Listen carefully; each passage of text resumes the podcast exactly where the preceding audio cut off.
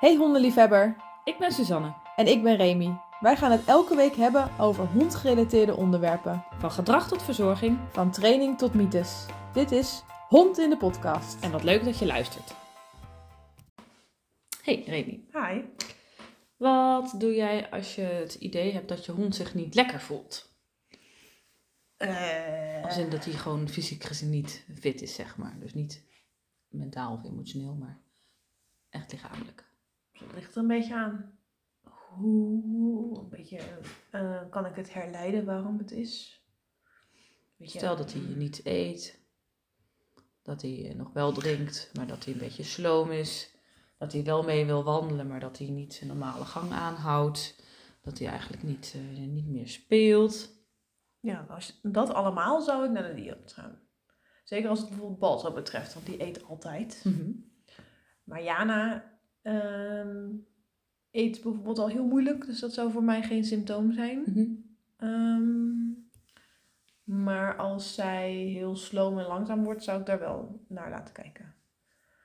Ehm, maar bijvoorbeeld als er gewoon een beetje diarree is en ik weet, oké, ze hebben van de week een nieuw soort kluif gehad, dan maak ik me daar niet zo druk om. Ja. Maar het, het niet willen eten terwijl ze normaal wel heel graag eten, vind ik wel, en het is niet in een veranderende context, vind ik wel een red flag. Mhm. En het sloom zijn. Ehm, abnormaal. Weet je, als het 30 graden is buiten, ik heb huskies. Ja, die zeggen, tabé ermee, ik blijf binnen. Ja. Dat is natuurlijk eh, verklaarbaar. Maar gewoon op een regenachtige dag als dat vandaag, dan zullen ze moeten blij, wel blij, enthousiast moeten zijn dat ze naar buiten mogen. Ja. Ehm, dat zou voor mij wel reden zijn om naar de dierenarts te gaan, ja. Ehm? Doe je verder zelf nog iets aan diagnostiek? Eh, het ligt een beetje aan hoe laat ik bij de dierenarts terecht zou kunnen. Weet je, als ik meteen zou gaan. Weet je, als ik gewoon kan en ik heb niks en ik kan gewoon meteen terecht, dan niet. Maar Mhm. als ik bijvoorbeeld de volgende dag terecht zou kunnen, zou ik wel temperaturen. Ehm, want als ze dan koorts hebben en ze zijn langzaam, dan zou ik meteen willen. Dan zou Ja. ik een soort spoedconsult willen. Precies. Ehm, maar als ik gewoon een spreekbeurt over een uur terecht kan, of spreekuur, Uur. Ja. Ehm, dan ja, weet, zou ik misschien ook temperaturen trouwens bedenken voor nu. Maar ik denk ook dat het eraan ligt hoe ziek de hond is. Weet je, is hij gewoon een beetje niet zo lekker, Ja. dan vind ik dat al anders dan als ik me echt zorgen zou maken, zou ik temperaturen, slijmvliezen bekijken. Ehm, kijken of het iets neurologisch is. Dat kun je doen door het pootje op te tillen. En dan zeg maar zijn kussentje naar boven te doen en dan zijn voet op de grond te zetten. Je hebt je hand Ja. en je hebt je binnenkant van je hand, Ja. Zandpalm. je palm en je hebt de bovenkant van je hand. Ja. En je moet zeg maar de, de, eh, je hand zien als het, de voorpoot of achterpoot van je hond. Dat dan je palm het kussentje is en dan de bovenkant van je hand de bovenkant van zijn poot. Mhm. En ik ga nu de, mijn hand omklappen, Ja. zodat mijn pols zeg maar Dat, dat de Gebogen bovenzijde is. van je hand naar, naar, naar beneden is. Ja. Dus je kijkt naar de onderkant van het, van het kussentje. Ja. Dat kan met de poot van de hond ook. Mhm. En als de hond gewoon nog reflexmatig een goede reactie heeft, zet hij eigenlijk meteen zijn poot goed. Heeft hij dat niet, en Bal, eh, sorry, Silver die had dat toen hij een hernia eh, heeft gehad. Toen zette hij eigenlijk zijn poot niet meer zelf terug. Mhm. Of heel langzaam. Ehm, om een beetje te testen of die neurologisch oké is of niet. Of eh de zenuwen bekneld zijn. Ehm, en vaak achter is dat het geval. Dus zo, zo, zoiets, ehm, ja, je zou ademhaling en hartslag kunnen meten, maar ik vind dat altijd reet ingewikkeld. Mhm. Eh, ik denk dat temperatuur en eh, slijmvliezen een van de dingen is ehm, waar je zelf makkelijk naar kunt kijken. Ja. En met slijmvliezen kun je kijken of ze heel bleek zijn. Of heel rood, kan ook hè, dat is een twee kanten op. Maar meestal Het hoort een lekker lichtroze te zijn en lekker vochtig. Ja, en hoe je het kan testen ook is dat je erop drukt. Dan mag het wit worden, maar het moet eigenlijk meteen weer terug naar de juiste kleur. Teruggerold worden. Ja. Ehm, als een hond een bloeding heeft, dan trekt al dat bloed daar weg en dan wordt Ja. het heel bleek. Ehm, blauw kan een teken zijn van zorgstof tekort. Ehm, ja, maar weet je, ik denk dat het ook gewoon een stukje onderbuikgevoel volgen is wat ik doe. Want Ja, soms, kijk ik je, het ook, uite- soms kijk ik het ook wel aan. Dan is Nou ja. uiteindelijk niks aan de hand. Precies. Of dan poepen ze, of hè, dan dat ik merk, oh je hebt al een tijdje niet meer gepoept. En dan komt er een stuk vlies uit waarvan ik denk, waar de hel komt dit ineens vandaan? Dus die heeft Mhm. even een, een tijdje de boel geblokkeerd en toen was er genoeg druk op gebouwd om die eruit te poepen, weet je wel? Dat je Ja. dan, ja. Maar dan eten en drinken ze vaak gewoon nog normaal en dan denk ik, goh, het duurt nog wel eventjes. Dus het heeft al even geduurd. Op het moment dat ik dan denk, goh, ik heb al een tijdje geen belasting gezien bij komt het eruit. Weet je, dat je, Ja. dat op het moment dat je het gaat opmerken is het eigenlijk ook al weg. Ja. Ehm, oh, ik heb laatst wel het vermoeden gehad dat Balto misschien een blaasontsteking had, omdat hij ehm, korte plasjes deed. Ook gewoon in de tuin. Weet je, hij is natuurlijk wel een reu, maar Mhm. ook gewoon daar waar hij normaal de hele blaas leegt, had ik het gevoel, hm, dat doet hij niet helemaal meer. Maar de volgende dag was dat gewoon weer normaal. Dus ik weet niet wat dat was. Precies. Maar als je echt een blaasontsteking hebt, is dat niet met een dag weg. Nee. Ehm, en hij at en dronk en eh, had verder geen enkele symptomen van dat hij zich niet lekker voelde. Kijk, honden zijn natuurlijk heel goed in het verbergen van hoe ze zich voelen. Hè? Mhm. Ehm, het is echt, echt, echt niet waar dat honden pas mank lopen of piepen. Of al piepen als ze gewoon een beetje pijn hebben. Dat doen ze echt pas als het niet meer te houden is. Want ja, Honden laten eigenlijk alleen acute pijn zien, hè? Ja. En eh, zijn dingen die al langer sluimeren of die continu aanwezig zijn, eigenlijk niet. ze zijn heel goed in zichzelf beter voordoen dan dat ze eigenlijk Ja. zijn. Ja. Op lichamelijk vlak. Precies. En het is natuurlijk lastig om, om zoiets aan te geven, hè? want ehm, elke hond is natuurlijk anders en laat dus andere symptomen zien. Dus wat vooral heel belangrijk is, denk ik, is dat je weet hoe je, hoe je hond functioneert op het moment dat hij gewoon wel goed te pas is, zeg Ja. maar. Hè, wat, wat ze normale doen en laten is. En op het moment dat je daar veranderingen in gaat opmerken, eh, dat je dan eens nagaat van, goh, hè, kan ik daar iets voor verzinnen? Hè, op het moment dat de hond bijvoorbeeld een injectie gehad heeft en je merkt dat hij eh, daar s'avonds eh, dat hij dat hij wat minder eet of dat hij wat slomer is of dat hij misschien een beetje zagrijnig is of, of de volgende dag, nou dan, dan is dat wel herleidbaar en dan is dat, wel duidelijk. logisch, ja. Ehm, ik heb bijvoorbeeld wel een keer eh, gehad, ja, meerdere keren trouwens, dat eh, Ivy bijvoorbeeld aan het piepen was. Zo een beetje Oh. ehm, Vaag. zeur, zeurderig aan piepen. Dat Ja. je denkt... "Hmm, hmm." Oh.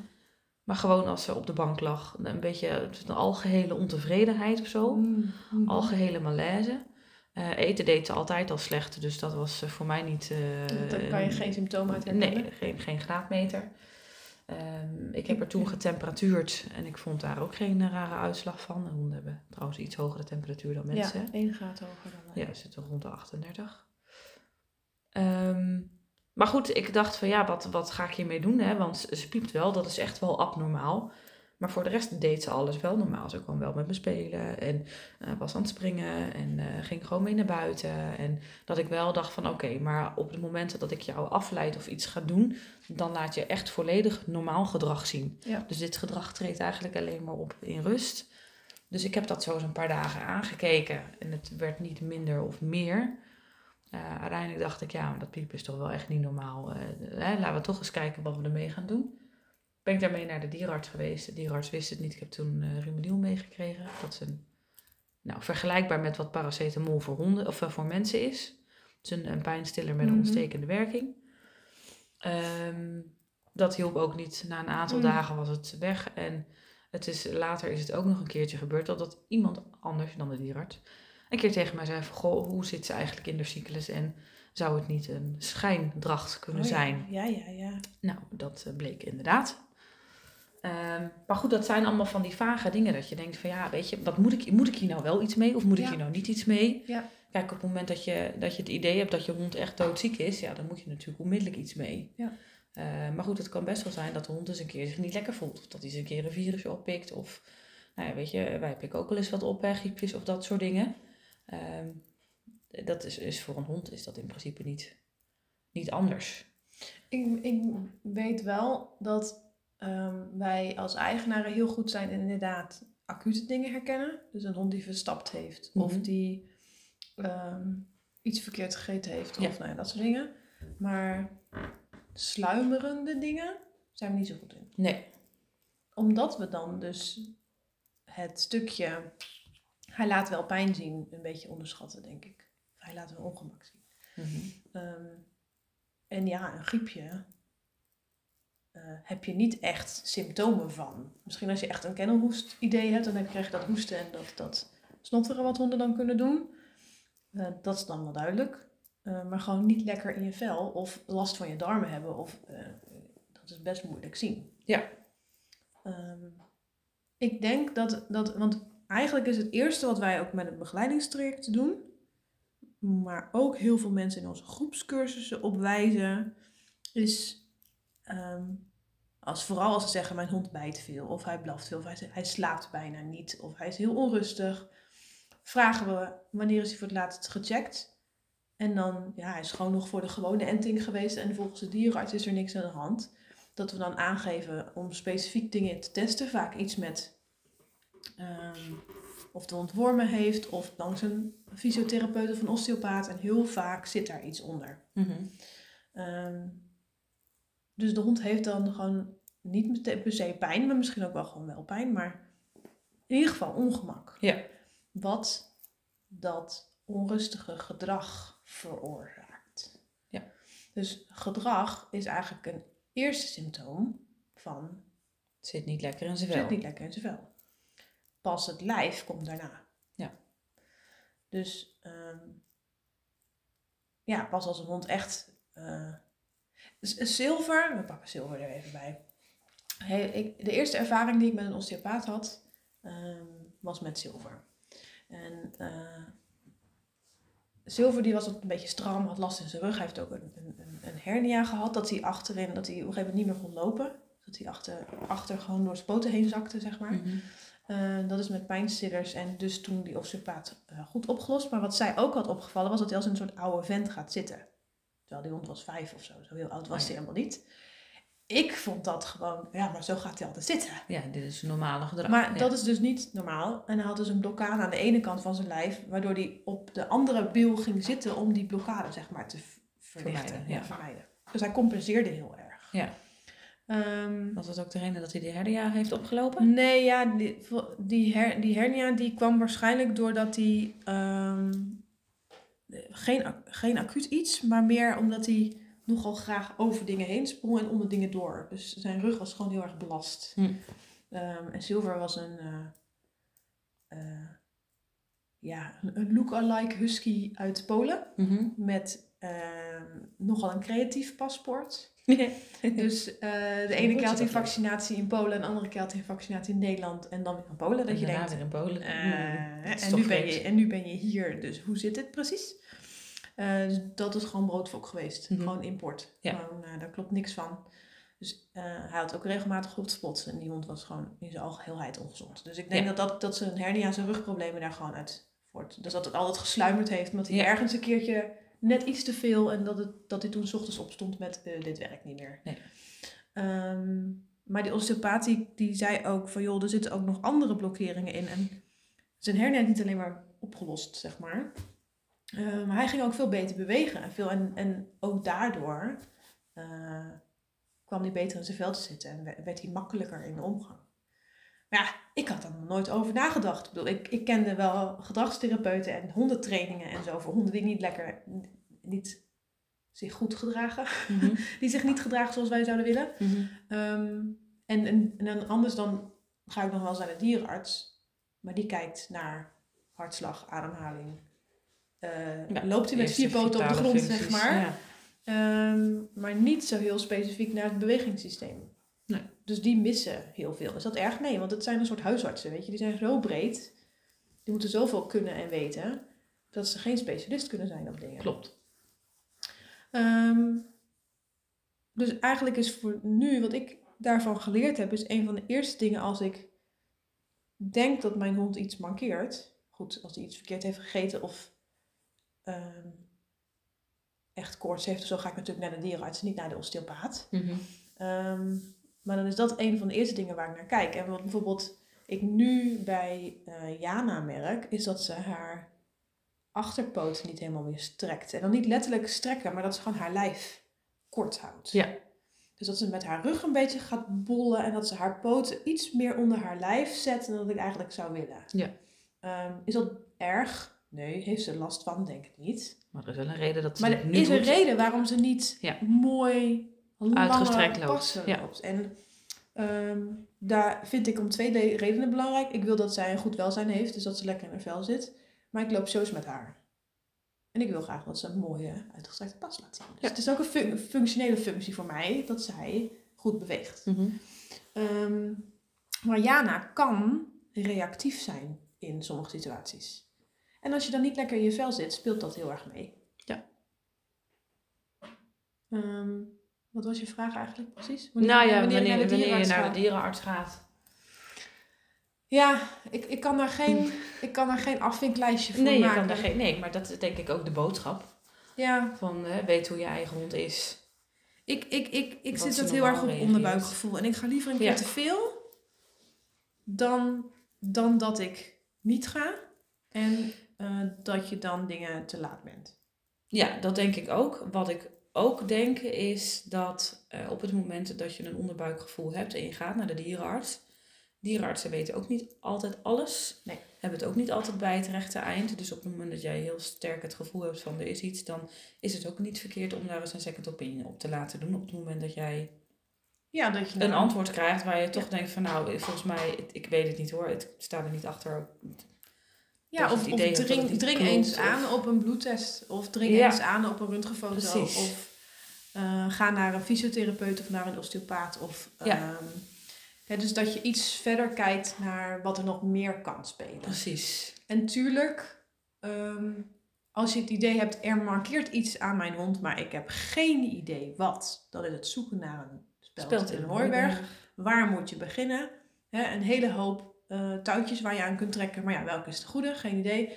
En dan maar gewoon oneindig testen. Ja, dat is- hoef, kan heel veel verspilling van geld zijn. En dat schiet ook niks op.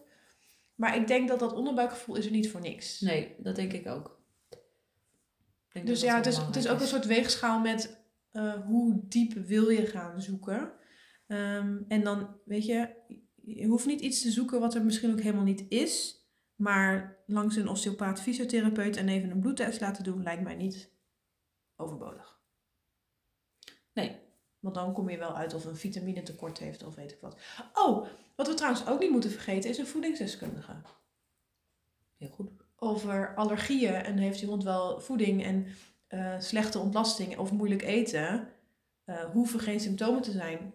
Als in, een hond kan gewoon goede ontlasting hebben en gewoon eten, maar toch ehm, een reactie hebben op voedsel. Bijvoorbeeld doordat hij heel veel likt of dat hij heel veel traanogen heeft. Eh, of inderdaad jeuk of... ehm, nou ja, ook, Of dat hij niet lekker in zijn vel zit, dat hij toch Ja. wat anders reageert. Dus die, Ja. die moet nog erbij bij het lijstje. Dus Ja. ik nou, de eerste stap zou voor mij zijn naar de dierenarts. Gewoon om een algeheel... eh Beeld te krijgen. ja, om eh, uit te vogelen dat hij niet aan het doodbloeden is van binnen of zo. Weet je, dat zou lullig zijn. Ja, Daar precies. kan de fysiotherapeut niet zoveel aan doen. Nee. Ehm, komt daar niks significants uit of niet? Hè, je kan je natuurlijk ook altijd, als een dierenarts geen idee heeft...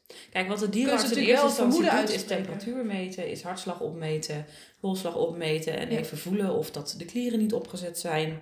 Ja. Eh, kijken of dat de, eh, ehm, ehm, hoe noemen we dat? Tandvlees. Ja, Slijmvliezen. slijmvliesen, of die goed gekleurd en goed Ja, of het gebit, zijn. want dat is ook Zeg maar, dat is een beetje ja. het, het algemene onderzoek. Even in de buik voelen of er geen pijnlijke plekken zijn, wat gewrichten nalopen. En dat is een beetje Ja. het standaard onderzoek wat Tanden, gebit, oren. Ja. Oorontsteking is ook Oren zoiets heel kijken. vies, sluimerends. Ja. Af, en afhankelijk van de klachten gaat de dierenarts natuurlijk wat gerichter op zoek. Ja. Ehm, dus dat is denk ik op zich best een prima eerste stap voor als je geen idee hebt. Ja, en als dan de dierenarts zegt, ja, ik heb het allemaal nagekeken, maar ik weet het is allemaal in orde. Kun je altijd nog zeggen, ja, maar ik heb toch nog het idee dat iets niet klopt. Wat is dan nu de volgende stap? Dus dat je daar dan met de dierenarts in overleg gaat. Maar ik denk wel dat je een plan moet hebben voor jezelf. Want als je gewoon er naartoe gaat en zegt, ja, ik denk dat er iets is met mijn hond, maar ik weet niet wat. Jouw dierenarts zegt, ja, ik, zie het ook Ik niet. heb nagekeken, ga maar weer naar huis, want dit wordt En je laat je naar huis sturen, dan schiet het nog niks op. Nee. Nee, en hè, een offense dierenartsen, want ze doen, die zijn Ja, echt wel goed bezig, maar ze weten echt niet altijd alles. Nee. En kunnen ook gewoon niet altijd alles vinden. En dat is logisch.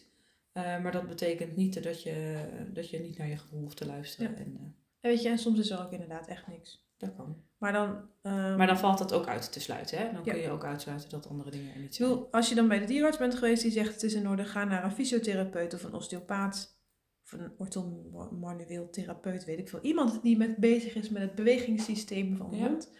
Als die zegt het beweegt allemaal soepel en het gaat allemaal goed, dan kun je nog naar een voedingsdeskundige om samen te kijken naar wat krijgt mijn hond, wat voor reacties heeft hij daarop, gaat het allemaal in orde. En als dat allemaal goed is, dus dan heb je de dierenarts, fysiotherapeut en de drie professionals die zeggen, ja hond is gezond, nou dan heb je alles wel gedaan. denk ik. Dan zou je eventueel bionans en bioresonans kunnen overwegen. Dan, kan- wat zeg je dat bekakt? Ook kunnen overwegen. ik kan het niet nadoen. Ja, goed, en die brengt natuurlijk allerlei dingen in beeld die je... eh, Wat is bioresonantie? Ja, ik weet het wel, maar je moet het even uitleggen, denk ik. Ja, ik weet het eigenlijk helemaal niet zo goed. Oh. Bioresonantie is... ehm ja, ga jij het maar uitleggen, ik wel weten. Lijkt me een beter plan. Ehm, ja, ik, ik weet het ook, maar correct me if I'm wrong. Als iemand dit beter kan uitleggen, dan graag. Maar wij hebben, wij hebben dit met onze honden gedaan en Lea heeft het ook met Guus gedaan ook. En hoe het werkt is dat je een, een pluk haar met haar zakje, daar gaat het eigenlijk vooral om, opstuurt naar iemand die zo'n apparaat heeft. En bioresonantie gaat over het, alles stoot trillingen af. Hè? Ehm, ehm, dat is hoe moleculen werken. Ehm, sneller trillen, eh, minder snel trillen gaat ook over temperatuur, warm, Ja. koud, uitzetten enzovoort. Dus dat is, dat is dus, en eh, de theorie van bioresonantie is dat die trillingen een soort van besmettelijk zijn. Dus dat ze zo soort van in het individu blijven plakken. Maar ook dat jij zelf ook trillingen uitstoot. Ben je mij nog... Je kijkt me nu echt aan alsof ik gekke dingen zeg. Ehm, dus dat je zelf ook trillingen uitstoot. Dus ehm, als je niet lekker voelt, dat dat bepaalde trillingen zijn. En als je wel lekker voelt, dat dat andere trillingen zijn. Nou goed, tot zover mijn idee. Maar die blijven dus in dat haarzakje zitten. Ehm, ik weet dat het van buitenaf sowieso bewezen is dat dat klopt. Dat je aan een haar kan zien waar iemand is geweest. Mhm. Ehm, maar ook, je kan dus ook waarschijnlijk aan een haar zien of eh, iemand zich lekker in zijn vel voelt Wat de status van... van Ja, Ja. van het lijf is. Ja. En ehm, zo'n apparaat kan er dus helemaal uitlezen van oké, en wat voor eh, vitamine, wat voor eh, celzouten, eh, wat voor voedingen, dat soort dingen een hond behoefte heeft of niet. en wat daar de waardes en van wat zijn. daar de waardes van zijn en, en hoe dat allemaal in elkaar zit. Goed, hoe het precies werkt, vraag ik me niet. Maar ehm, bij mijn honden kwam eruit dat ze eigenlijk alleen maar goed lam of vis kunnen verteren. Ik heb dat met Balto gedaan en die eh, is van de jeuk af. Ja. Eh, hoe kwam ik daarachter? Hij kreeg weer een keer kip en had weer jeuk. Ja, precies. Weet je, het, het gaat er denk ik om dat je, dat je bij een dergelijk iets... ehm, Goed, ik was nog niet eerder bij een voedingsdeskundige geweest. Hè? Die had het misschien ook wel kunnen vertellen. ja, maar ja, hoe ga je erachter komen dat je nog niet kip elimineren. kan? En ik heb met Balto geëlimineerd en dat is echt een hel. Nee, en dat duurt ook heel lang. Je, Elimineren houdt in dat je, dat je begint met ehm, één voeding waarvan je bijna zeker weet dat je hond die nog nooit heeft gehad. Dus één eiwitbron. Dus bijvoorbeeld Ehm, veren. Ja, ik begon met paard. Hij had in, ja, goed, dat klopt. We zijn eerst begonnen met hypoallergetic. Dat is een brok op basis van veren eiwit. Ehm, het, vaak zijn het eiwitten waar honden allergisch voor zijn. Mhm. Dus niet de... Goed, granen hebben ook eiwitten, maar vaak zijn het, is het vlees waar ze op reageren. Ehm, bego- begonnen met een brok die even alles op nul zette. Dus die analergetic. Dus dat is nog, je hebt hypoallergeen, maar dan nog, nog meer afgebroken, Mhm. kleiner en makkelijk verteerbaar. Toen zijn we begonnen met paard. Eh, dat ging goed.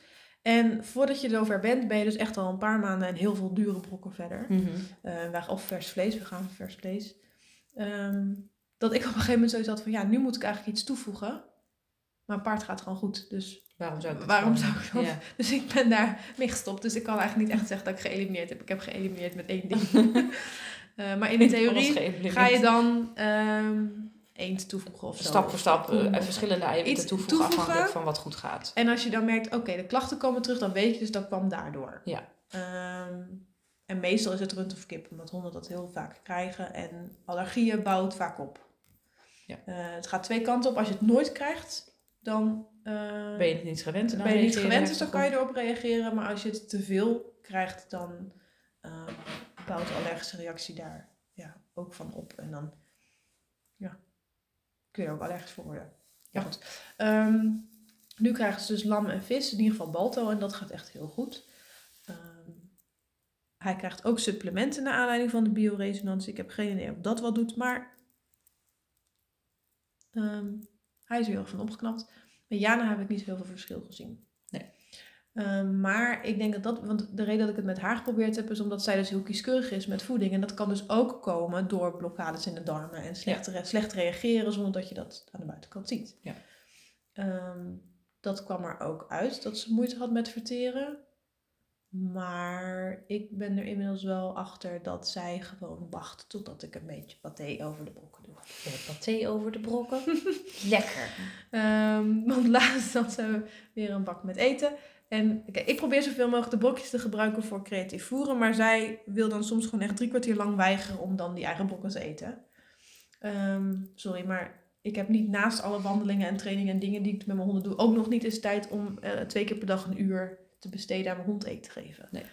Ehm, en dus ik, omdat ze die supplementen krijgen, moet het wel in een bakje. Want ik ga die Je moet supplementen het wel afwegen. En ga je het niet door de kamer strooien hoop dat ze Nee, dat wordt het niet. Ehm, dus eh, ze krijgen die brokjes met dan die supplementen door en dan wat water. En eh Balto eet dat gewoon op. Dat is dan wel prima. Maar Jana wil dat dus niet. En ik heb een hele tijd creatief voeren geprobeerd. Maar toen dacht ik, ja, je, wie, welk levend mens heeft hier in godsnaam tijd voor? Ik niet. Ik heb ook nog een kind van twee en een partner en werken. En het, sorry, maar dat is echt niet praktisch haalbaar voor mij. Dus toen heb ik er gewoon elke keer een beetje paté en de ene keer een beetje vis van kokvis en de andere keer een beetje zalm. En meestal pak ik er kattenvoeding. Want dat is, Lekker. dat is meer, in, dat is meer in, in vis dan in hondenvoeding dat is. Oh. Want vaak hebben hondenvoeding is rund of kip. Ja. En als er vis op staat, dan staat er nog dat er iets anders in zit. Maar goed, voor Jana maakt het niet heel veel uit. Heb ik een keertje, dat was waar ik naartoe wilde, die bak weer teruggepakt, die ze dus niet wilde eten. Ik heb er alleen maar door geroerd. Ja. Ja, en die bak weer teruggezet. En toen ging ze eten. Oh, Dus ze zit me gewoon eh, te foppen. de flessen. Ja. Ja. Maar ja, aan de andere kant denk ik, oké, mijn hond wordt acht deze zomer. Weet je, wat zal het ook, dat ik elke keer een beetje paté doorheen. Ach ja, Ja, ik, eh, als iedereen blij is, is er geen probleem toch? Nou ja, een beetje, en er is wel een soort noodzaak dat ze makkelijker eten aan gaat nemen. Want, want ik wil heel graag wat meer met haar trainen, ook met haar eigen voer. Nou ja, Jana eet nooit zoveel dat ze te dik wordt, dus wat maakt het allemaal uit. Ja. Is lekker hè, tegenstrijdig. Ik zit tegen mijn cursisten te zeggen dat ze heel, dit heel fanatiek moeten doen. Maar, Ja, maar ja, het moet ook wel gewoon haalbaar zijn, Ja. toch? Ja, maar goed, ik heb geen pupje of puber meer hè. Nee, en het is goed dat als je een jonge hond hebt om hierin te investeren. Dat vind ik ook. Ik ben met, mijn eigen, met mijn eigen pup, als ik weer een pup neem, ga ik dat heel zeker doen. Ja, nou ja, ik ook. Als ik een nieuwe hond krijg ooit, dan, dan ga ik het helemaal anders doen. Ja, maar ja, mijn honden zijn be- bejaard. Ik voer senior brokken. ja, ja, maakt allemaal niet meer uit. precies. Nee, Oké. Goed. Nog meer over dit? Ja, dat dus. ehm, eh, honden, zeker witte honden, zie je dat, eh, dat ze van die bruine, oranje vlekken krijgen op hun poten of op hun kop. Om- van het likken. Ja. Dat is ook een symptoom van niet lekker in je vel zitten. Dus Het likken of de verkleuring. De verkleuring komt door het speeksel. Ja. Maar het likken. Ja, Of die traanstrepen. Zeg Ja. maar. Een hond die gezond is, die doet dat niet. Ja, een beetje om jezelf schoon te maken. Maar niet eh, dat, het dus, dat er verkleuring in de vacht ontstaat. Hm. Dus als je ziet dat je hond dat doet, zou ik... eh, dat is meestal voeding gerelateerd. Ehm hem. daar ook iets mee doen. Oké. En ja, wanneer moet je naar de dierenarts? Nou ja, goed, eh, als er eh, ehm, dat nodig is. vocht komt uit plekken waar geen vocht moet komen... of eh, geen vocht komt uit plekken waar wel vocht moet komen, denk ik. Dat klinkt zijn. heel smerig, maar... Als je bang bent dat je hond doodgaat. Is er bloed dan sowieso? Als je hond koorts heeft. En als je geen thermometer he- hebt, dan kun je, kun je de hond over het algemeen gewoon ook bij het oor voelen of dat hij warm is. Dat je het oorflapje even optilt en dan de achterkant van je hand er tegenaan legt. oorflapje even optilt. Ja? Maar ik, heb staan, ik heb staande oren. Oh ja. Dit ik zijn heb ik echt- behangoren. Ja, Ja. ik was dit het grappig. Ik zou zeggen gewoon even aan het oor voelen, maar niet Ja. een oorflapje Oh optillen. ja, wij het oorflapje optillen en dan even aan de binnenkant, ik doe het helemaal voor, even aan Ja. de binnenkant voelen. Ja. te voelen of het warm is, want Ja. het oorflapje zelf is altijd koud. Ja, nee, ja, mijn honden hebben staande oren, dus dat, die warmte kan ik wel voelen. Maar ik denk dat dat een beetje vervliegt. Dus dat je dan... Ja. Oh ja, nee, bij honden met, met Hmm. flaporen.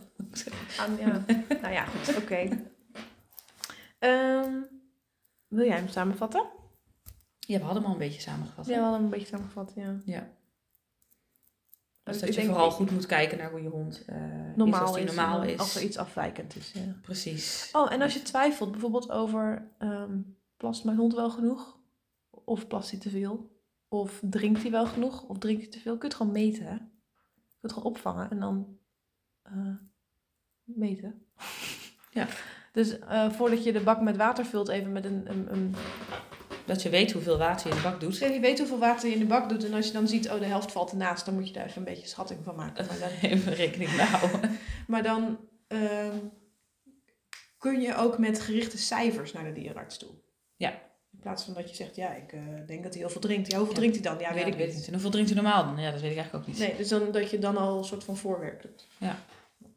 Komt toch nog even op de dertigste minuut een eh goede tip. Tip erbij. Top. Oké. Goed. Was er nog korting? Bij Bellabox met code Silverlinings. Nice. Fijn hè? Voor eh, de mensen die eh, deze podcastaflevering doorstaan. Helemaal Die, tot het bittere helemaal einde. tot aan het bittere einde. Ik hoop niet dat Om kluif ook half bitter elf 's avonds. bij het denk niet Voor ons dan, hè? Voor ons is het half elf 's avonds, ja. Ehm, ja, nee, als je deze aflevering helemaal afluistert, dan hebben wij altijd een klein presentje. Eh, namelijk 10% korting op een Bello-box. En Bello-boxen zijn dozen, boxen met kluiven, snacks, eh, Trainers. trainers, eh, hypoallergeen voor puppies. Dus als je erachter komt, nou, mijn hond mag geen rund of kip, dan hebben ze ook andere dingen. Ehm Super handig. super handig.